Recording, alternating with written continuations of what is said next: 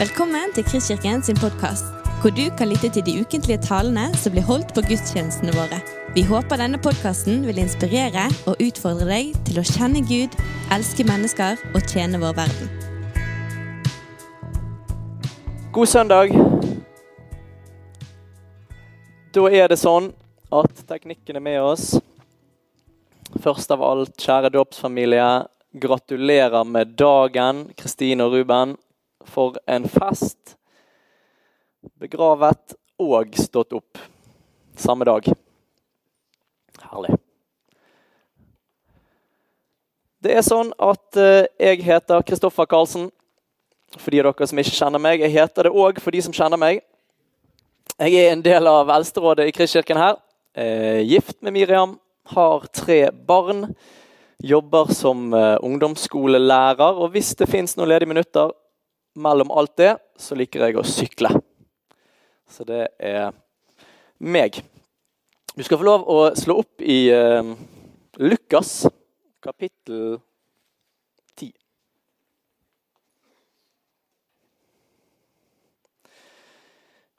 Ja, jeg kan egentlig ha den der framme. Vi er Det var mye lyd på meg. Jeg bedre nå? Det er sånn at Vi er midt i en taleserie som vi har kalt 'Varme liv'. Og Vi prøver gjennom den taleserien å sette fokus fra litt forskjellige vinkler inn på, eh, inn på denne overskriften 'Varme liv'. Og, og, det handler om hvordan kan vi som fellesskap, jeg som kristen, eh, elske menneskene rundt meg. Det er på en måte det vi jobber med. Eh, vi har sagt det som fellesskap Leif Tore sa det i sted, at uh, vår drøm der vi går sammen, det er at vi vil kjenne Gud. Vi vil elske mennesker, og vi vil tjene vår verden. Og Akkurat nå gjennom denne taleserien så er vi på den midterste linjen der og jobber med det. Vi tror det at uh, Jesus sitt kall til oss som troende ikke først og fremst er å kritisere og dømme og være misfornøyd med samfunnet rundt oss, og menneskene rundt oss, men å elske sånn som han elsket. Ok. I dag så skal vi eh, kikke sammen på historien om den barmhjertige samaritan. Og så skal vi ha en del fokus på øynene våre gjennom det. Så vi skal lese sammen Lukas 10 fra vers 25. Da sto en lovkyndig fram og ville sette Jesus på prøve. 'Mester', sa han, 'hva skal jeg gjøre for å arve evig liv?' 'Hva står skrevet i loven?' sa Jesus. 'Hvordan leser du?'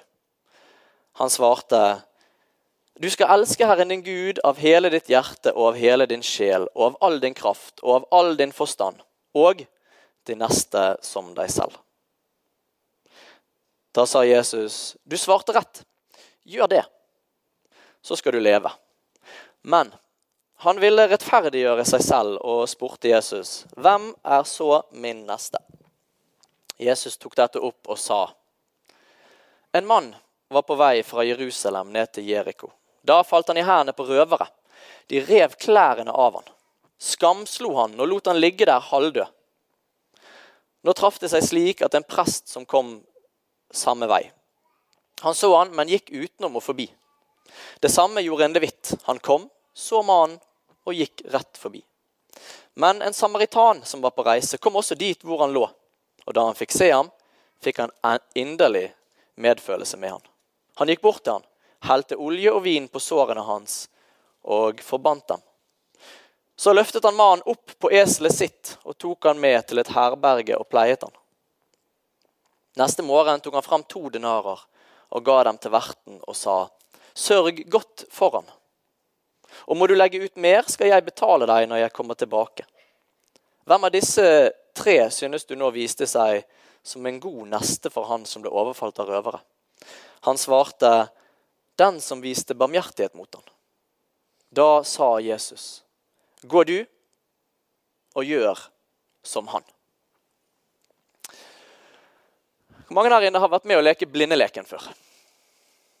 Sånn, der du får bind for øynene, og så er det en annen som skal lede deg. Ikke lov å ta på deg, men kun med sine ord og sin stemme og bruke sine øyne, så skal de lede deg. Hvor mange har vært med på det?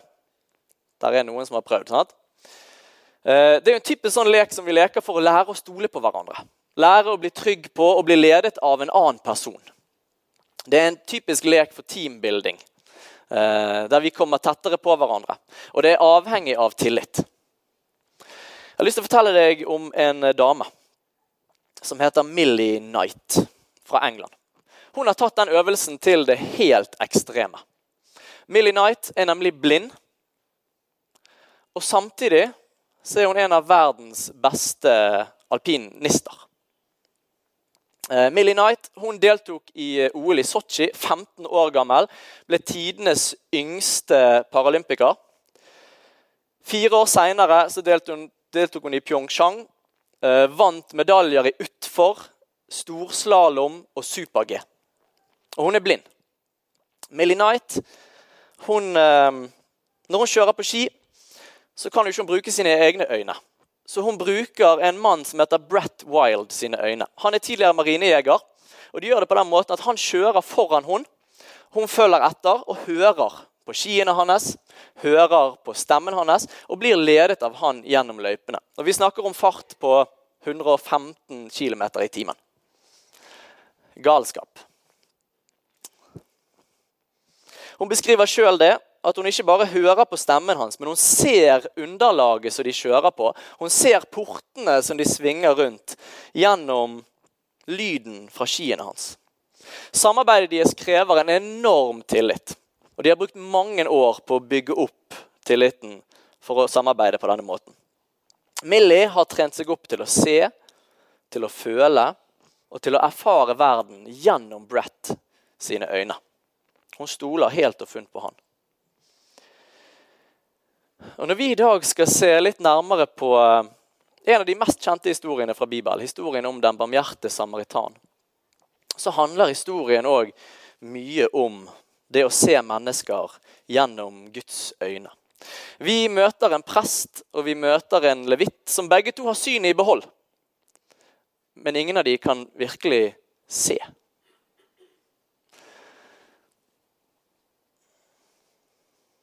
Så Gud, vi gir, eh, vi gir denne stunden her til deg nå. Jeg ber om at du må komme over ditt ord nå og gjøre ordet levende for oss. Og Jeg ber Gud for alle oss som hører på nå, at du må åpne våre øyne, så vi kan se sånn som du ser. Og at du må åpne våre hjerter, sånn at vi kan føle sånn som du føler for menneskene rundt oss. Amen. Greit. Historien vår, hvis du fortsatt er i Lukas 10.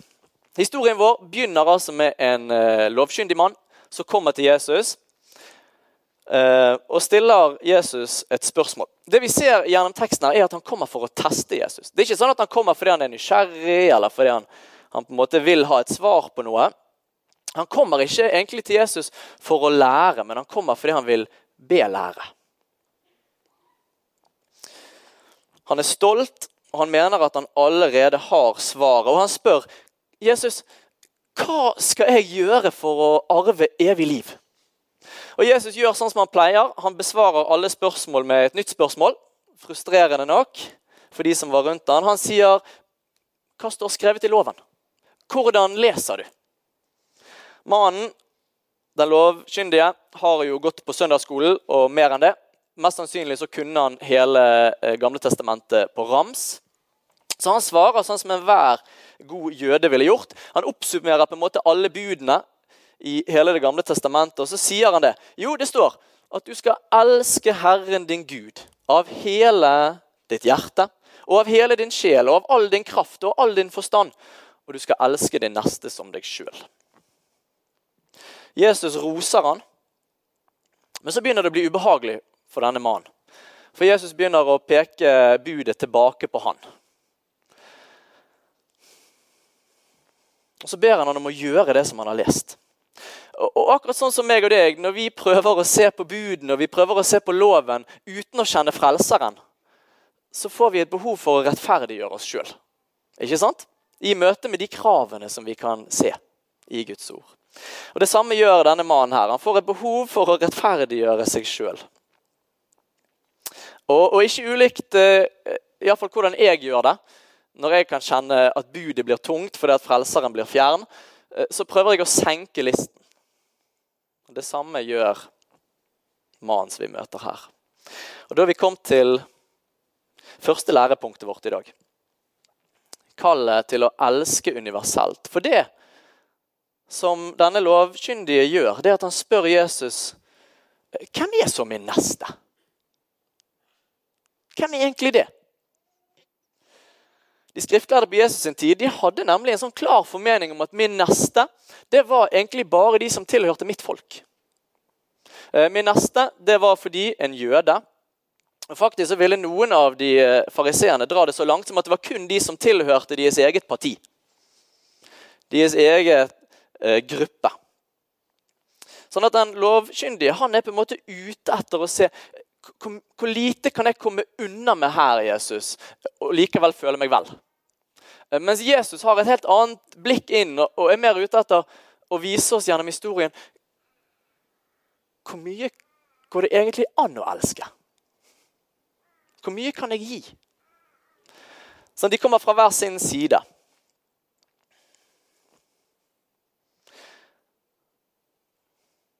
Det er nesten så Jesus spør han Hvilke øyne ser du med? Når vi snakker om vår neste. Hvem sine øyne ser du gjennom? Og Når vi ser på vår neste gjennom Guds øyne, så kan ikke vi begrense kjærligheten til, til de vi liker. Eller de vi føler oss komfortable med, eller de som tenker likt som oss. For Jesus ønsker å, å sprenge opp begrepet av vår neste gjennom historien.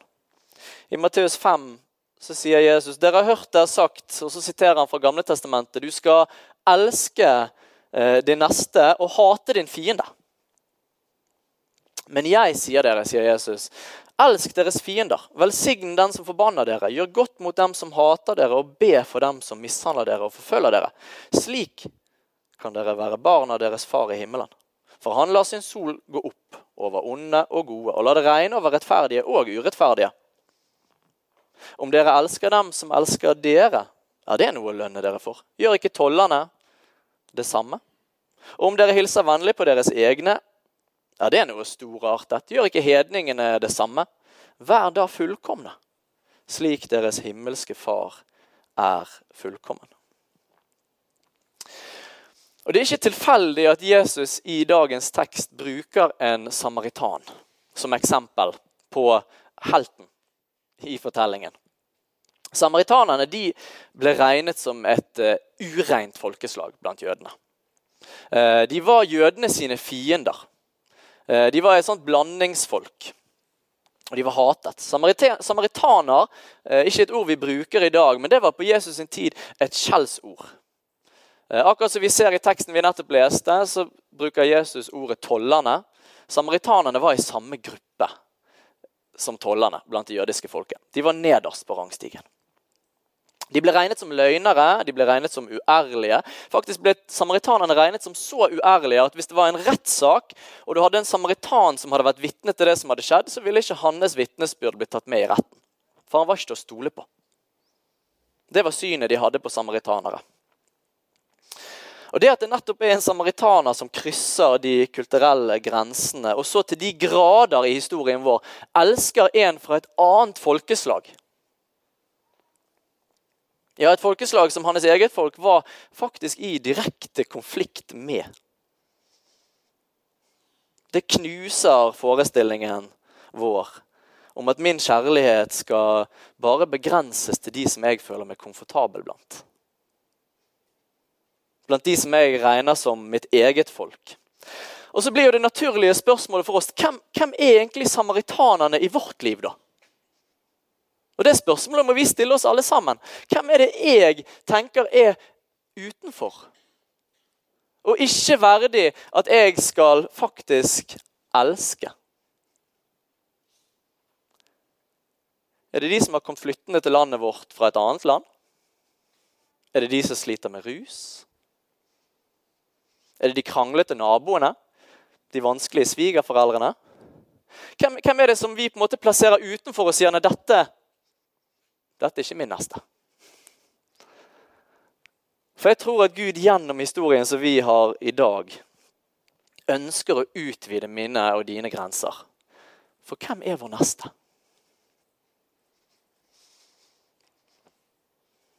Punkt nummer to, som jeg har lyst til tror at vi lærer noe av i dag, det er at å elske er å avbryte sin egen vandring. Det står om eh, samaritanen. Han gikk bort til han. Han gikk bort til han da han så den skadde mannen. Både presten og levitten de var jo på en måte datidens religiøse elite. Sant? Det var toppfolkene. Og De var seriøst opptatt av å tenke på Gud og leve hellige liv for Gud. Ok? De ble sett opp på. Det var ikke, det var ikke sånn at, at, de på en måte var noe sånn annenrangs. Dette var eliten. Og, og disse her 25 km mellom Jerusalem og Jeriko, som denne her eh, hendelsen skjer på, det var en strekning som ofte var trafikkert av levitter og prester. Mange av levittene og prestene bodde i Jeriko, og så gikk de disse 25 km, 800 høydemetere, opp til Jerusalem, og så hadde de tjenesten sin der. Sånn at det at, at, eh, at det er disse to som kommer gående, var ikke noe sånn uventet.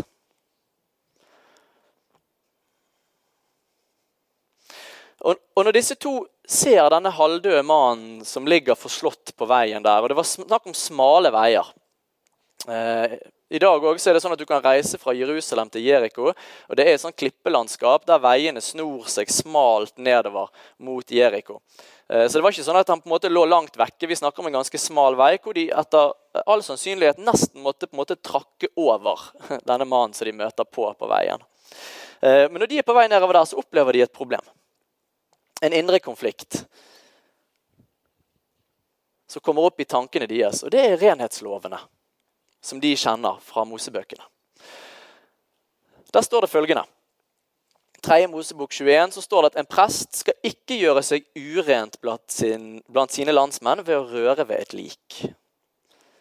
Og I 3. Mosebok 19 så står det at den som rører ved et lik av et menneske, skal være uren i syv dager.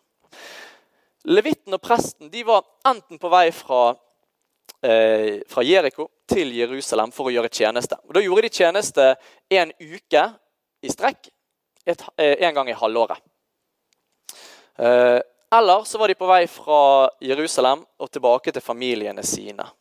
Uansett så var situasjonen den at hvis de på veien der kom an i et lik, et dødt menneske, eller de prøver å hjelpe en som er døende, og så dør han mens de hjelper, så ville de få et problem. For Hvis de da var på vei tilbake til familiene sine, til forpliktelsene sine, til alt det som ventet hjemme, og de kom an i et lik, så måtte de returnere til Jerusalem. Syv dager. Og utføre renselsespliktene sine. Det samme hvis de var på vei til Jerusalem for å gjøre tjeneste der. Hvis de da kom an i et lik, så kunne ikke de gjøre tjenesten sin. For de måtte bruke først syv dager på å bli renset, og så kunne de gjøre den jobben som de skulle. Så det passet ikke med agendaen deres å stoppe opp akkurat da. De hadde en plan. De var på vei et sted, og tankene deres var på Gud og på å tjene Gud. Men det passet ikke inn i deres agenda å stoppe akkurat da. Hva planer samaritanen hadde, det, det vet vi ikke. Det er vanskeligere å si noe om. Men det det står, er at han gikk bort til den skadde og begynte å hjelpe han. Samaritanen avbrøt sin egen vandring. Og så satte han den på hold, for det var noe som han opplevde som viktigere. Han pleiet mannen, tok han med til et herberge, og faktisk så står det i teksten at han overnattet der sjøl. Han ble der en natt for å se hvordan det gikk, og så fortsatte han på sin egen vandring etter det. Men han satte det som var i hans agenda, det satte han på hold. Margaret Thatcher har sagt det slående. Hun sa det at ingen ville husket den barmhjertige, den barmhjertige samaritan hvis han bare hadde hatt gode intensjoner. Men han blir husket fordi han gikk bort til han. Jeg vet ikke hvordan det er for deg, men for meg så er det i fall sånn at min hverdag den er full av sånne situasjoner der det ikke passer akkurat nå. Er det andre som har det sånn? To stykker. Åh, for en gjeng. Sant? Livet er fullt av det. Som lærer så er det en viktig viktig prinsipp for meg at i møte med elevene mine så, så, har jeg alltid en prøve jeg skal rette, jeg har alltid et undervisningsopplegg jeg skal lage, jeg har alltid en telefon jeg skulle tatt, jeg har alltid en e-post jeg skulle svart. Og så har jeg haugevis med elever som vil si noe. Og For meg så er det et prinsipp som lærer. Hver gang de har lyst til å si noe til meg, så legger jeg vekk det andre, og så hører jeg på det de har å si. For de er viktigst. Ikke sant?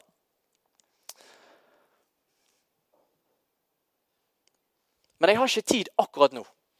Jeg har en plan, jeg skal et sted, jeg skal rekke noe, jeg er på vei et sted. Det passer ikke akkurat nå å stoppe opp her. Det kan være barna som spør om hjelp. Det kan være foreldrene våre som ønsker et besøk. Det kan være naboen vår som har en utfordring. Det kan være en kollega som har et jobbrelatert problem. Men jeg har jo min agenda. Jeg har jo det jeg skal gjøre. Samaritanen stoppet opp og gikk bort til ham. Og Jesus sier det utrolig treffende i Matteus 9, 13. Gå og lær hva dette betyr.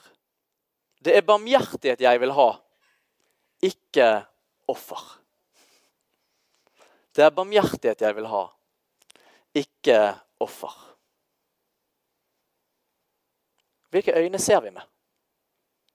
Hvem sine øyne ser vi situasjonen vi møter, gjennom? Tredje lærepunktet vårt. Å elske er å gi mer enn det som forventes. Den barmhjertige samaritanen som vi møter i historien, kunne jo nøyet seg med å gått bort, ristet på mannen og spurt hvordan går det med deg. Og så kunne han gått videre.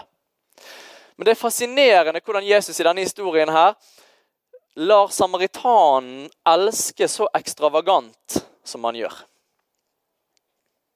Det står bl.a. at han helte olje og vin i sårene til denne mannen som var ute for røvere. Og Det er interessant, for det, det greske ordet som ligger, er brukt der for å helle. Det er dette ordet som betyr at han helte, og så helte han videre, og så helte han videre, og så helte han videre. Og han brukte mye, mye mer enn det som var nødvendig for å rense sårene.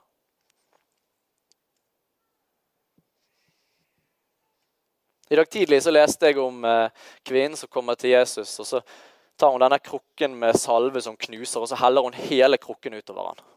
Og så sier disiplene, hva skal den sløsingen være god for, da? Og så arresterer Jesus dem, og så sier han nei. Kjærlighet, det er å gi mer. Det er å gi mer. Det er å elske ekstravagant. Deretter så tar altså samaritanen denne forulykkede mannen, som òg er hans fiende. Husk det. Husk det. Dette er en person som han i utgangspunktet er i et fiendskap med. Han løfter han opp på eselet sitt, og så lar han han sitte på eselet mens han sjøl går ved siden av. Ok? Sin egen fiende. Så finner han et herberge, og han overlater ikke bare mannen der, men han blir der natten over. Og så Neste morgen så står det at han gir fra seg to denarer. Og, og de har funnet, eh, interessant nok, eh, sånne trestammer fra den tiden påskrevet hvor mye det kostet å bo på et herberge på Jesus sin tid. Og de to denarene det var nok til 20 netter på et herberge på den tiden. Så 20 netter betaler han for. Og ikke nok med det, men han gir en sånn her eh, blank sjekk. De av dere som er under 30, vet ikke hva sjekk er for noe. Men det var noe man hadde i gamle dager. Gir sånn, han gir en blank sjekk, og så sier han egentlig til han her eh, hotelleieren Alt du må legge ut for denne mannen, skal jeg betale når jeg kommer tilbake. Alt du legger ut, skal jeg betale når jeg kommer tilbake. Og Det å elske din neste som deg sjøl, det innebærer jo i praksis at jeg spør hvordan skulle jeg ønske at de møtte meg? Hvordan, hvordan lengter jeg etter å bli møtt? I mine problemer, i mine utfordringer, når jeg trenger hjelp. Og Jesus løfter opp en umenneskelig høy standard på denne kjærligheten. Når vi ser mennesker gjennom hans øye. Igjen fra Matteus 5. Dere har hørt det sagt øye for øye og tann for tann. Men jeg sier dere, sier Jesus, sett dere ikke i, til motverge mot den som gjør ondt mot dere. Om noen slår deg på høyre skinn, så vend også det andre til. Vil noen saksøke deg og ta skjorten din, så la han få kappen også. Om noen tvinger deg til å følge med én mil, så gå to med han. Gi til den som ber deg, og vend ikke ryggen til den som vil låne deg.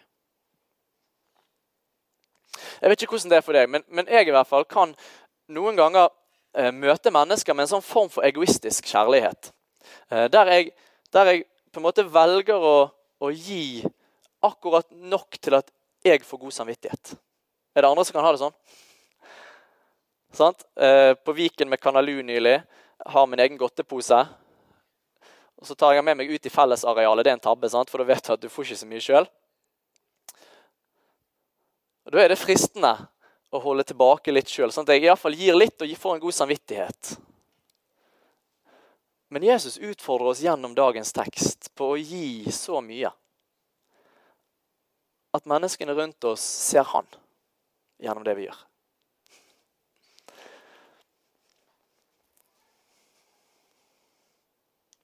Fjerde punktet som vi henter ut fra dagens tekst. Å elske kommer fra hjertet. Å elske kommer fra hjertet. Vi leser om eh, i historien vår at da han, samaritanen fikk se han, fikk han inderlig medfølelse med han. Det greske ordet som er brukt for medfølelse, er eh, ordet splagma. Som betyr at det kommer fra en dypt, dyp plass inni hjertet vårt. Medynk fra dypet av min sjel, kan det bety. Og Jesus snakker i, i setningen her mindre om en type kjærlighet. Eh, eller, eller, han snakker mindre om en handling som er sånn som vi velger, og så er det mer om en følelse som vi ikke kan stoppe eller kontrollere. Når han snakker om inderlig medfølelse. Forfatteren Jeff Lyer han har definert empati på følgende måte. Empati det er din smerte i mitt hjerte. Empati er din smerte i mitt hjerte. Hva følelser kommer opp i ditt hjerte når du ser mennesker lide? Hva følelser kommer opp i mitt hjerte når jeg ser mennesker som lider? Mennesker som ikke har det godt? Han får ikke min medfølelse, for den situasjonen der den er han egentlig skyld i sjøl. Han har forårsaket det problemet der. Når mine barn blir forkjølet, så, så, kommer det opp i meg en sånn følelse av at Men det var jo dette jeg sa til deg. Du skulle gått med huet og ikke ankelsokker i desember. Sant? Du fortjener egentlig ikke min medfølelse her. For dette problemet har du satt deg i sjøl. Er det noen som kan kjenne seg igjen i den holdningen når du møter mennesker som har det vanskelig? Igjen fire stykker i Kristkirken som har, har sånne hjerter. For en gjeng.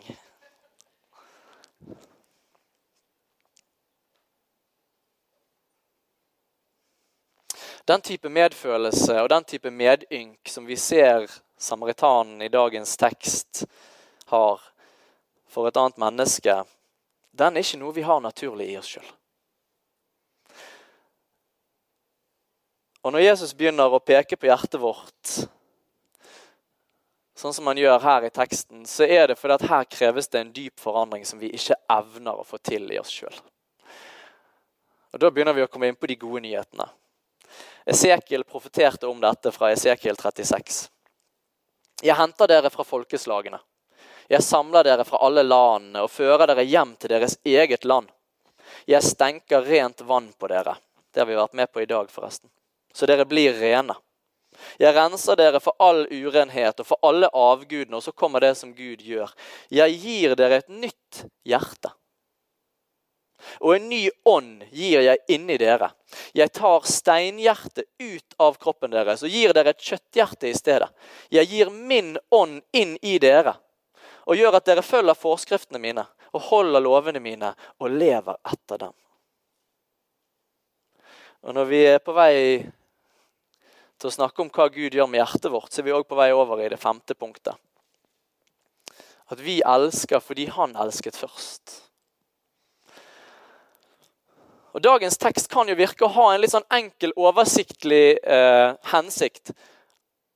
At Jesus vil vise hva det er å elske vår neste. Men som de fleste lignelsene til Jesus, så er det òg en dypere mening. Han vil et sted dypere, og, og, og vi ser det. Hvis vi tenker tilbake på denne lovkyndige mannen som kommer til Jesus, med hjertet fullt av stolthet. Han tror han har klart det sjøl. Han tror at han i egen kraft og med sin egen rettferdighet skal klare å oppfylle hele loven, og begynner å senke kravene for å få det til. Hele poenget med historien Jesus forteller til denne mannen, det er for å hjelpe denne egenrettferdige, stolte, hovmodige mannen som tror at han kan klare kristenliv sjøl. Han forteller historien til ham for å vise ham at du har faktisk ikke sjans. Dette er umulig å få til for deg.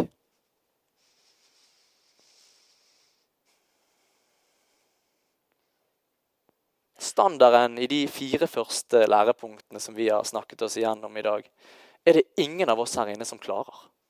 Vi evner ikke å leve opp til den standarden som Jesus snakker om når han sier 'elsk til neste som deg sjøl'. Vi trenger alle sammen en frelser. Og Det er det Jesus ønsker å vise oss gjennom historien. Saken er den at den lovkyndige mannen og alle oss andre her inne som er stolte fariseere, og som ønsker å klare oss sjøl og ønsker å fikse kristenlivet sjøl, og ønsker å, å, å, følge alle budene og klare dette og samle kristenpoeng og se veldig bra ut på utsiden. Saken er at han mannen som faller i hendene på røverne, han er meg og deg. Det er vi som er han, som ligger nedslått i veien hjelpeløs, halvdød, uten evne til å frelse oss sjøl, uten evne til å hjelpe oss sjøl. Døende. Ingen prestasjon kan han vise. Han ligger der og får ikke til noen ting. Og så kommer det en og løfter han opp. Så kommer det en og tar han opp på sitt esel.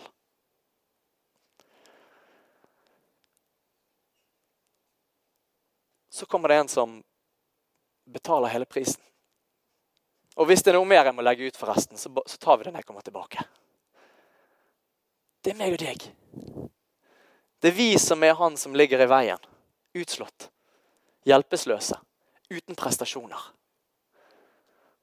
Som trenger en frelser.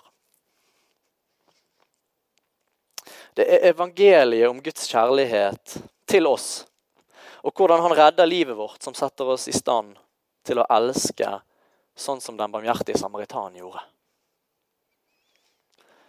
1. Johannes 4, 10 og 11. Ja, dette er kjærligheten. Ikke at vi har elsket Gud, men at han har elsket oss og sendt sin sønn til soning for våre synder. Mine kjære, har Gud elsket oss slik, da skylder også vi å elske hverandre.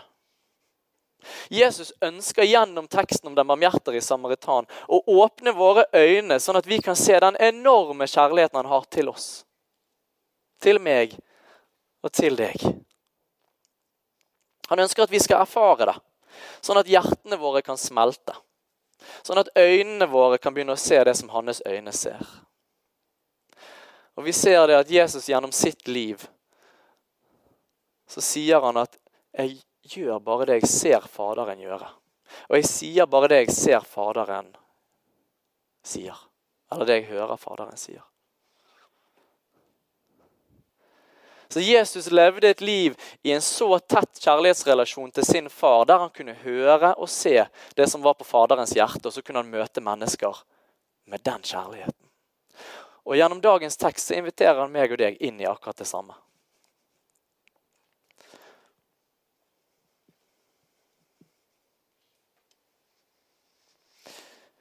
1. Johannes 4, vers 19-21, så står det Vi elsker fordi han elsket først. Vi elsker fordi han elsket først. Den som sier 'Jeg elsker Gud', men likevel hater sin bror, han er en løgner. For den som ikke elsker sin bror som han har sett, kan ikke elske Gud som han ikke har sett. Og dette budet har vi fra han. Den som elsker Gud, må også elske sin bror.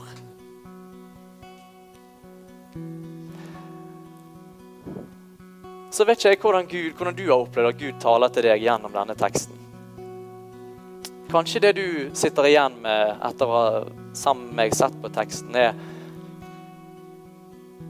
er nettopp dette at jeg trenger en frelser. Jeg trenger korset.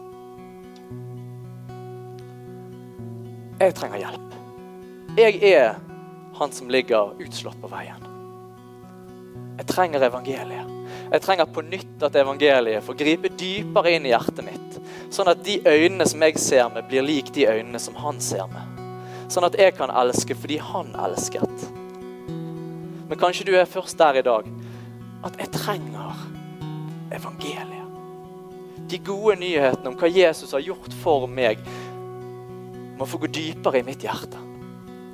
Jeg har ingen prestasjon å vise til. Men jeg trenger nåde. Da har jeg lyst i dag å invitere deg fram til korset. Hvis det er deg, hvis det er der du kjenner at du er i dag, vil jeg oppmuntre deg til etterpå nå å komme fram og knele ned med korset, eller sitte deg ned med korset. Og ta imot fra han.